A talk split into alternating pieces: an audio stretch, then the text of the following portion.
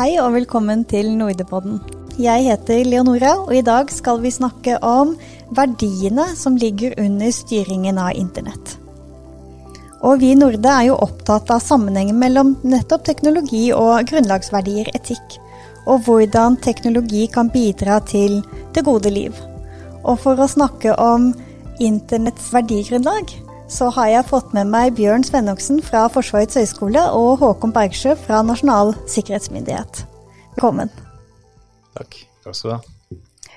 Aller først, Bjørn, fortell litt om de prinsippene som ligger til grunn for den modellen for internett som vi har i dag. Du kan si de, de eh, fire liksom bærende prinsippene for internett i, slik det har utviklet seg, er eh, åpenhet i form av transparens, altså åpne protokoller. Eh, frihet, altså type ytringsfrihet, enhver skal kunne ytre seg som man vil. Sikkerhet, altså nettverkene skal være trygge. Og stabilitet, eller robusthet, at de skal, de skal tåle å gå ned osv. Man skal kunne opprettholde kommunikasjonen over nettet. Um, og det har fungert veldig bra. Uh, veldig, veldig bra. Det har vært en kjempesuksess. Samtidig så er det jo også disse prinsippene, vil, vil mange hevde, da, som ligger til grunn for, eh, for at internett har blitt en arena for uh, kriminell virksomhet, for påvirkningsoperasjoner, for uh, en del andre aktiviteter som vi, som vi, ikke liker. Så det har på en måte en, en tosidig det, er, det er to sider av medaljen. Da.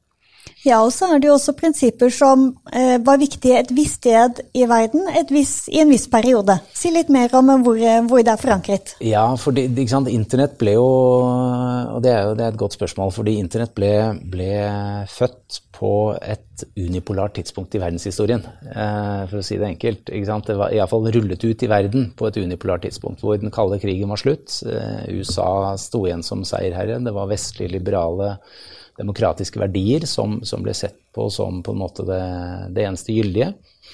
Vi var kommet til 'end of history', som en amerikansk statsviter skrev, da den evolusjonsmessige styringen av, av mennesker var, var, kommet til enden, og alle var enige om at det var en liberal demokrati man ønsket. Og det var jo, Disse prinsippene her er jo på en måte mye av kjernen i, i liberale demokratier.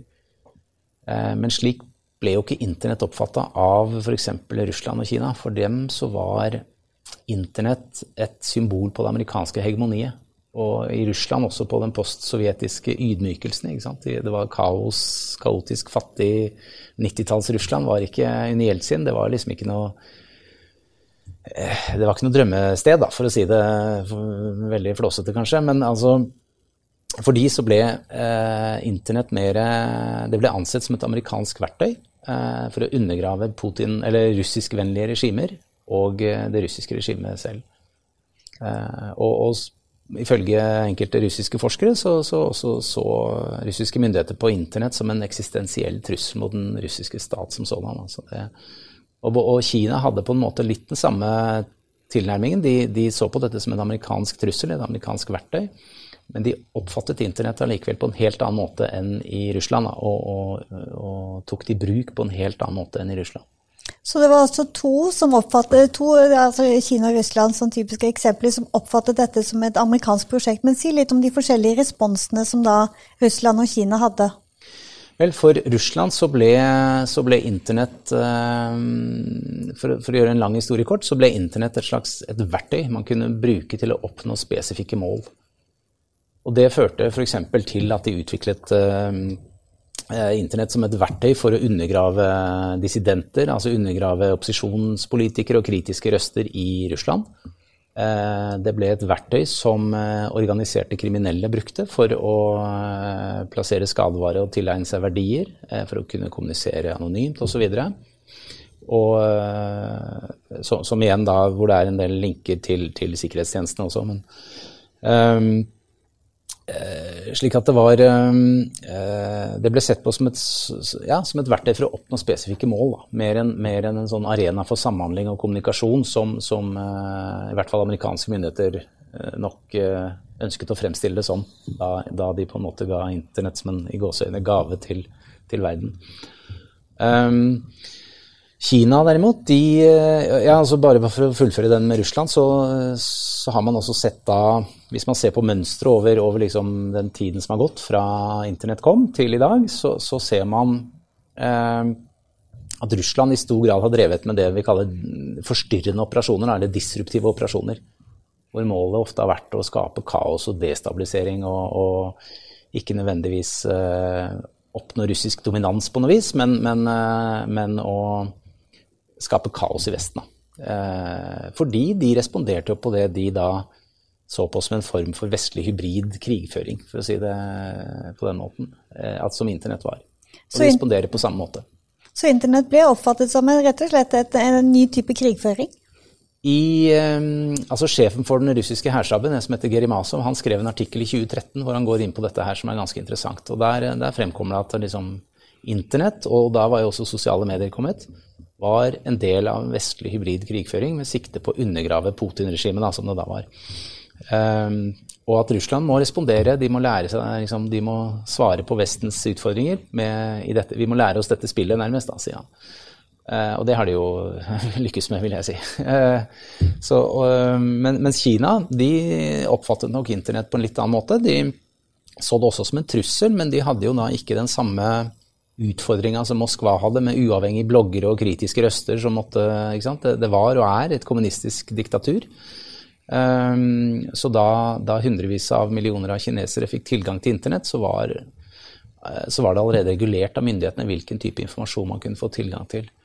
Så Kina så nok på internett som en uh, mye større mulighet så lenge det fikk utvikle seg på deres egne vilkår. Og Derfor så ser du, har du også sett, hvis du ser på det samme mønsteret som, som, jeg nevnte i stad med disruptive operasjoner fra Russland, så har du sett et mønster med spionasjeoperasjoner, industrispionasje, i stor, stor skala.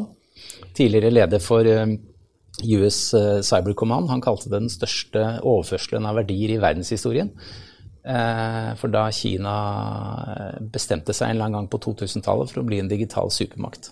Og fra like etter 2010 så var det en uttalt eh, målsetting. Men for å klare det så måtte de altså ta igjen amerikanske teknologiske forspranget. Og det virka helt usannsynlig i 2010. Nå har de jo klart det, vil mange si. Kanskje til og med gått forbi på enkelte områder. Mm. Eh, og uten da all disse digital spionasje, industrispionasje i særlig grad, så hadde nok det vært vanskelig, er min påstand i hvert fall. Og har noen av de offisielt hatt da andre verdisett som de har bygget på i forhold til internett? Jeg, altså jeg ser for meg at Russland har hatt en kamp mot verdiene, men sa de med en gang at vi vil ha andre, eller har ikke det vært uttrykt sånn? Eh, det har nok vært mer en generell skepsis til den amerikanske dominansen som har styrt deres eh, verdivalg, i den grad man kan snakke om det, hva gjelder prinsippet for internett. Men eh, Russland har nok igjen da hatt en mer sånn, iallfall min, min lesing av det, er disruptiv tilnærming. Da, hvor, hvor, eh, det viktigste har vært å undergrave den amerikanske dominansen.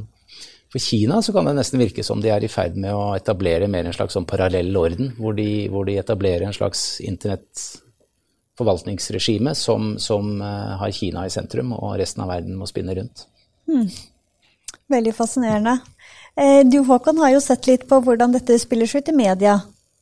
Altså det er, er jo en, eh, en, del faktorer her som har gjort at liksom fra at dette var en litt sånn lukket diskusjon på, på noen konferanser rundt i verden, til at altså, publiken begynte å diskutere dette i de offentlige medier. Eh, det var jo særlig den, den arabiske våren var jo en av disse tingene som, som virkelig løftet fram bruken av sosiale medier. Og det er klart, det så jo da Eh, Russland f.eks., og så da at eh, ja, er det noe vestlige myndigheter bruker til å undergrave eh, og det, Dette var jo da rundt 2012, og da var det jo da altså valget i, i, Russland som de forberedte seg nå på hvordan de skulle eh, mot, som, gjøre noe med den påvirkningen som de så da kom fra Vesten. Eh, det var en del ting de tok til orde for. Det ene var jo også da å begynne å se på all trafikk som gikk inn til, til Russland. Altså inspisere pakkene. Altså man kan jo si at er altså, at eh, Strømmen av informasjon er som en eh, strøm med konteinere, og de inspiserer altså hver eneste konteiner for å se inni hva som sendes over landegrensene våre. Det er jo blitt eh, mye vanskeligere altså, i den siste tiden. altså Krypteringen av internett har gått altså, rett i været. Så når de begynte å diskutere dette her i 2012, så var altså kanskje 20-25 av internettrafikken var kryptert. Mens i dag så er vi på vei mot 80 og, og videre oppover. Eh, så, så, det å se inni eh, internett er altså mye vanskeligere enn det var eh, da. Det fins nå noen altså, metoder for å liksom, inspisere trafikk, altså låse opp og så låse igjen igjen, men, men det blir altså vanskeligere og vanskeligere. Der går altså krypteringsteknologien såpass uh, fort at det, det, blir nærmest umulig etter hvert å begynne å inspisere pakker på den uh, måten.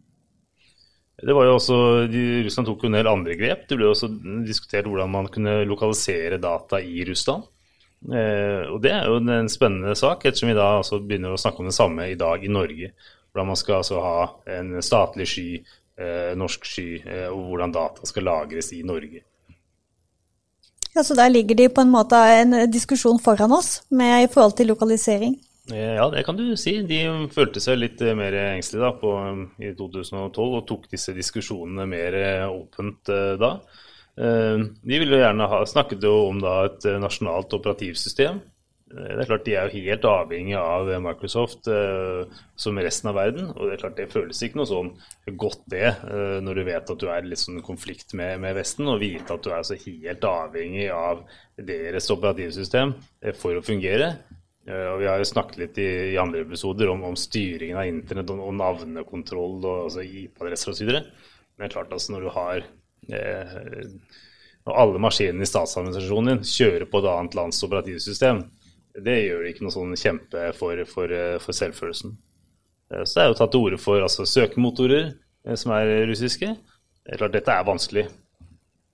Nå skal det jo sies at Tyskland f.eks. eksempel, de har jo også tatt til orde for, for, en egen tysk sky. Og, og, og, så det er ikke bare Russland som snakker om dette. her. vi kan jo komme inn på en viktig faktor som, som utløste dette. Det var jo varslingen til han Edward Snowden, som var amerikaner, og som fortalte om det amerikanske spionasje på, på nett. Eh, det, det, fortalte jo veldig mye om hvordan det var, og gjorde at land som Tyskland altså, tok til orde for dette her. Land som Brasil tok jo til orde for egne kabler fra Brasil til Europa, så ikke skal gå gjennom USA. Så det, det er viktig å huske på at dette er ikke bare altså, Russland og Kina som, som, har tenkt disse tankene, det tenkes av flere land også. Mm. Ja, og det, det er en god poeng. og og som et svar på mye av det her, fra særlig Kina sin del, så har de jo kommet med dette Made in China 2025-initiativet, hvor, hvor um, hensikten er å erstatte all amerikansk produsert digital teknologi med kinesisk produsert digital teknologi og infrastruktur innen 2025. Om de, om de klarer det, er vel kanskje ikke helt sikkert, men, men uh, i hvert fall at de vil ønske å bytte ut all amerikansk teknologi. Og så har jo amerikanerne på mange måter svart på dette da, med, fra Trump-administrasjonen med dette, det de kaller uh, Clean Network Initiative, hvor de ønsker å ha med seg partnere fra eh, altså tech-selskaper for å rett og slett unngå å ha kinesisk teknologi i sine nettverk.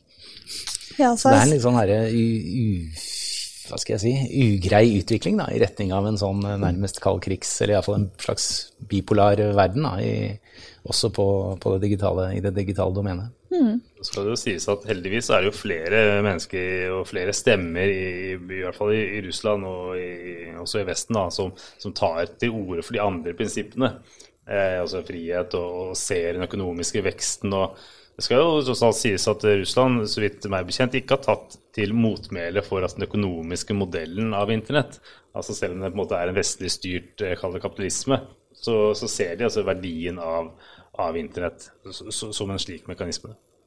Ja, og her i Norge har vi også parallelle diskusjoner hvor man etterlyser mer demokratisk styrt internett f.eks. og ønsker eh, for så vidt eh, mer, mer, statlig styring, er det noen som tar til orde for, men da selvfølgelig på andre prinsipper og ønske om eh, mer eh, åpenhet og, og, mer transparens og mer mulighet til å påvirke.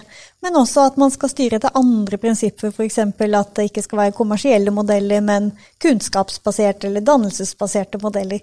Så her er det jo mange som drømmer. Kanskje det gjenspeiler den tilliten vi har til myndighetene her, i hvert fall i Norge, hvor, hvor, vi ser på det som en demokratisk styrking dersom staten får mer kontroll, mens eh, det ikke er sånn overalt i verden. Ja, det skal du ikke se bort fra. Vi har jo verdens høyeste tillit til myndighetene omtrent. Mm. Langt over veldig mange andre land, og også over Kina, som da jobber på litt, da, som du forteller om, Bjørn, tilsvarende måter, men eh, basert på andre grunnverdier. Vi var jo inne på altså, Hans Noden. Nå har det vært andre rapporter eh, bl.a. sikkerhetsselskapet Mandiant som har sluppet rapporter om, om kinesisk eh, espionasje. og Det beskriver også Etterretningstjenesten i sine rapporter at, at kineserne spionerer relativt mye på Norge over nett. Så det er viktig å trekke fram altså alle, Dette er noe egentlig alle parter driver med. Men kanskje særlig som du nevnte, Bjørn, den industrispionasjen, som er kanskje litt sånn spesielt her, da, som, er, som er ikke, ikke, alle land driver med. Ja, eh, dette er jo en spennende utvikling som vi kommer til å både se mer av og snakke mer om. Men nå har vi kastet opp noen baller, og jeg håper eh, lytterne våre følger med på den videre utviklingen. Jeg har lyst til å takke for dere for at dere kom. Bjørn og Håkon, tusen takk. Og så har jeg lyst til å takke Dataforeningen som har støttet denne episoden.